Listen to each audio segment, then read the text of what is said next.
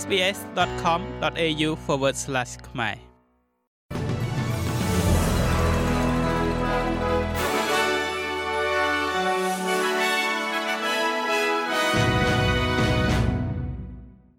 សូមស្វាគមន៍មកកាន់នេតិព័ត៌មានខ្លីៗរបស់ SBS ខ្មែរសម្រាប់ថ្ងៃច័ន្ទទី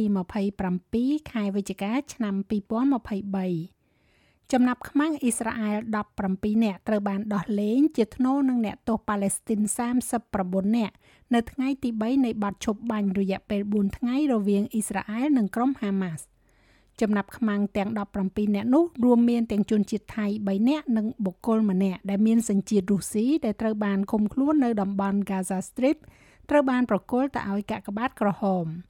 ក្មេងស្រីជនជាតិអាមេរិកអ៊ីស្រាអែលម្នាក់ដែលមានអាយុ4ឆ្នាំឈ្មោះថា Abigail Eden ក៏ស្ថិតនៅក្នុងចំណោមចំណាប់ខ្មាំងអ៊ីស្រាអែលទាំងនេះផងដែរហើយកុមារីរូបនេះបានคลายខ្លួនទៅជាក្មេងកំព្រានៅពេលដែលឪពុកម្ដាយរបស់នាងត្រូវបានសម្លាប់ដោយក្រុមហាម៉ាស់កាលពីថ្ងៃទី7ខែតុលាក្រុមអ្នកសម្រុះសម្រួលដែលដឹកនាំដោយកាតាកំពុងជំរុញឲ្យមានការពន្យាពេលបទជប់បាញ់រយៈពេល4ថ្ងៃនេះបន្ថែមទៀត អ្នកនាំពាក្យកងកម្លាំងការពារជាតិអ៊ីស្រាអែលឧត្តមនាវាទោ Daniel Hagari មានប្រសាសន៍ថាបេសកកម្មរបស់ពួកគេគឺដើម្បីនាំយកចំណាប់ខ្មាំងទាំងអស់ត្រឡប់មកផ្ទះវិញ។នៅក្នុងប្រទេសអូស្ត្រាលីវិញក្រុមអ្នកតវ៉ានៅទីក្រុងមែលប៊នបានបង្កការបិទផ្លូវមួយនៅខាងក្រៅស្ថានអគ្គកុងស៊ុលនៅទីក្រុងមែលប៊នដោយធ្វើបាតកម្មប្រឆាំងទៅនឹងការគ្រប់គ្រងរបស់សហរដ្ឋអាមេរិក ចំពោះសកម្មភាពយោធាអ៊ីស្រាអែលប្រឆាំងទៅនឹងតំបន់ហ្គាហ្សាបាតកោជាច្រើនអ្នកបានចាក់សោខ្លួនឯងនៅក្នុងទ្វាររបងជាបណ្ដោះអាសន្នគេនិយាយថាក្រុមនេះកំពុងធ្វើសកម្មភាពនៅក្នុងសាមគ្គីភាពជាមួយនឹងការតវ៉ាស្រដៀងគ្នា ទៅនឹងការបិទផ្លូវនៅតំបន់ Pine Gap នៅដែនដីភាគខាងជើងដែលជាទីតាំងនៃមជ្ឈមណ្ឌលកងកម្លាំងការពាររួមគ្នារវាងសហរដ្ឋអាមេរិកនិងអូស្ត្រាលី ក្នុងពេលជាមួយគ្នានេះមេដឹកនាំគណៈបក Greens គឺលោក Adam Bent បានច្រានចោលនៅការអះអាងតែថាគណៈបករបស់លោកមានចំណុចងងឹតងងុលមួយនៅពេលនិយាយអំពីការប្រឆាំងនឹងពួកយូដាវាកើតឡើងបន្ទាប់ពីអតីតឯកអគ្គរដ្ឋទូតប្រចាំនៅប្រទេសអ៊ីស្រាអែលនិងជាសមាជិកសភាបក Liberal លោក Dave Sharma បានចោទប្រកាន់បក Greens ថាបានបន្ទោសបង្អាប់រដ្ឋអ៊ីស្រាអែលនៅក្នុងអំឡុងពេលមានចំនួនជាមួយក្រុមហាម៉ាស់ លោកសាម៉ាបានចង្អុលទៅសមាជិកប្រសិទ្ធិបក Green លោកស្រី Marin Faruqi ដែលបានចែករំលែករូបថតនៅលើប្រព័ន្ធផ្សព្វផ្សាយសង្គមឈរក្បែរក្រុមបាតកោសិស្សដែលកំពុងតែកាន់ផ្ទាំងរូបភាពដែលបង្ហាញពីរដ្ឋអ៊ីស្រាអែលត្រូវបានគេបោះចូលទៅក្នុងធុងសំរាម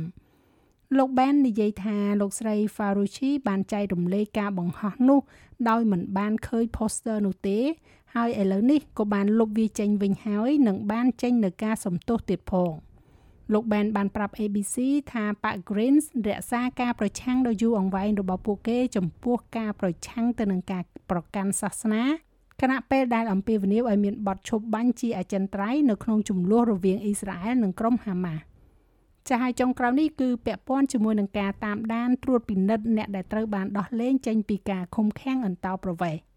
រដ្ឋាភិបាលសហព័ន្ធកំពុងតែវិនិយោគបន្ថែមចំនួន225លានដុល្លារសម្រាប់ទីភ្នាក់ងារសន្តិសុខដែលមានប៉ូលីសសហព័ន្ធអូស្ត្រាលីនិងកងកម្លាំងការពារព្រំដែនអូស្ត្រាលីដើម្បីតាមដានការដោះលែងអ្នកជាប់ឃុំអន្តោប្រវេសន៍ដែលធ្លាប់ត្រូវបានឃុំខ្លួនដោយគ្មានកំណត់មនុស្ស45នាក់បន្ថែមទៀតត្រូវបានដោះលែងពីការឃុំឃាំងដោយគ្មានកំណត់បន្ទាប់ពីសេចក្តីសម្រេចរបស់តុលាការជាន់ខ្ពស់ដែលសម្រេចថា ការឃុំខ្លួនដោយគ្មានកំណត់គឺខុសច្បាប់ដែលនាំឲ្យចំនួនមនុស្សសរុបដែលត្រូវបានដោះលែងឡើងដល់138នាក់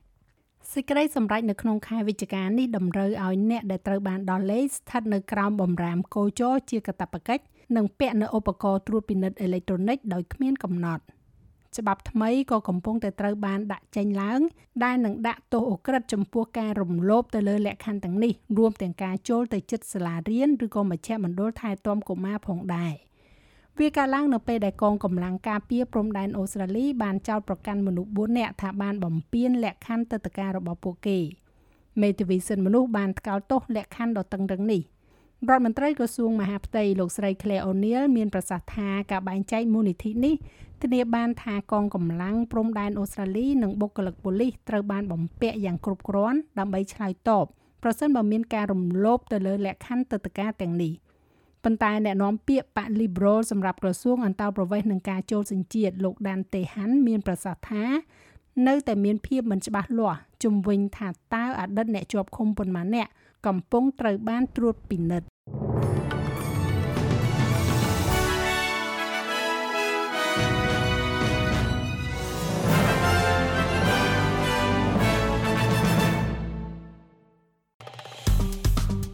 ចុច like share comment និង follow SPS ខ្មែរនៅលើ Facebook